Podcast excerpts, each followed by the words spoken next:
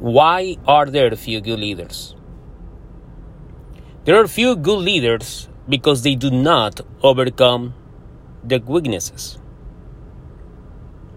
Apart from not knowing how to relate well to people, they don't assume the responsibility and don't know how to recognize their mistakes.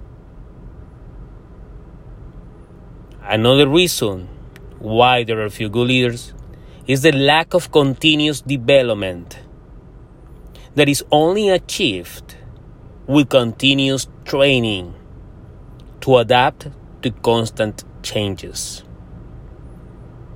Those are the reasons why there are few good leaders.